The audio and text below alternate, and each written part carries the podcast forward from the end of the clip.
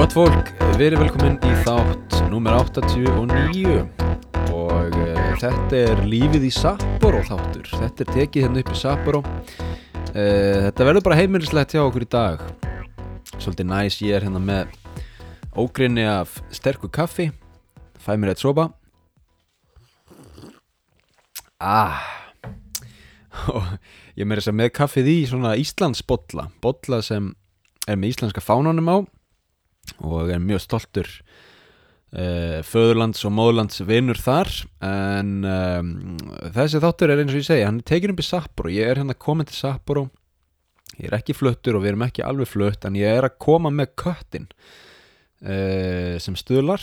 Og ég sem sagt fór með Tito, köttin okkar í flug núna í síðustu viku. Og ég er búin að vera í viku hérna í nýju heimkinnum okkar í Sapporo. Það er sem sagt hús tengdamóður minnar. Geðveitt flott sænst timburhús svona eða bjálkakofi. Í sko útjæðri Sapporo í skóginum hér eru sko íkornar bara á hverri grein.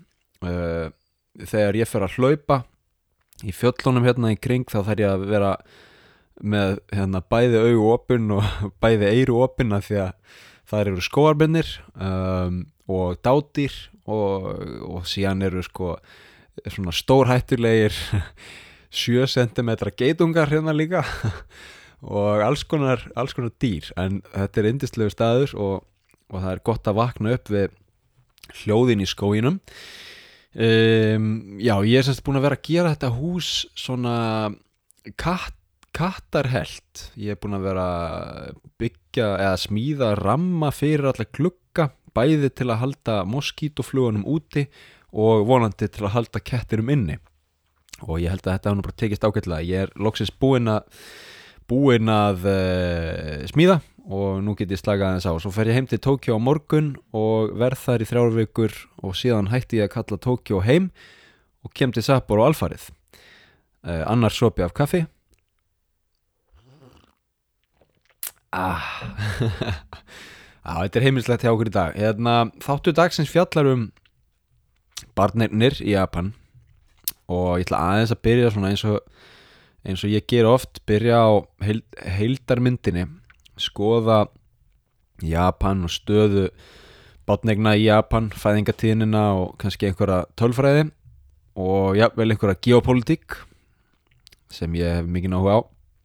Síðan tökum við aðeins svona aðeins meira zoom in um, aðeins meiri naflaskoðun.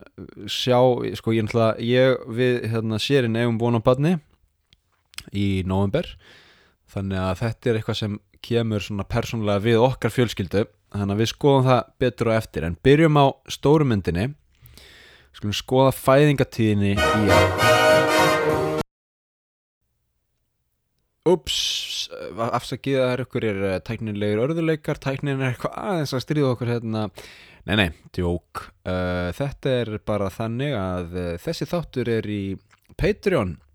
Hann er, í, hann er á bakvið greiðslugátt eins og hérna fólk er farið að segja mikið núna. Uh, Þessi þáttur er á Patreon sem þýðir að þið getið farið í síman ykkar fundið Patreon appið í App Store eða Google Play fundið heimsendi í appinu og skráð ykkur, það kostar ekki nema 5 dólarar á mánuði.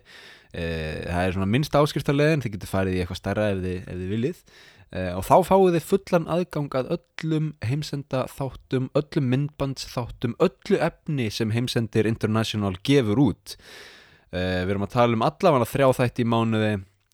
Helst einn myndbands þátt á hverja tvo mánuði eitthvað slíkt mikil veistla, ég er að flytja til Sapporo ég er í Sapporo akkurat núna, ég er að fara að segja meira frá því ég er að fara að segja meira frá náttúrunni og, og æginu við fólkinu sem býr hérna og eitthvað svona, þannig að komiði inn á Patreon og uh, skráið ykkur og við sjáumst þar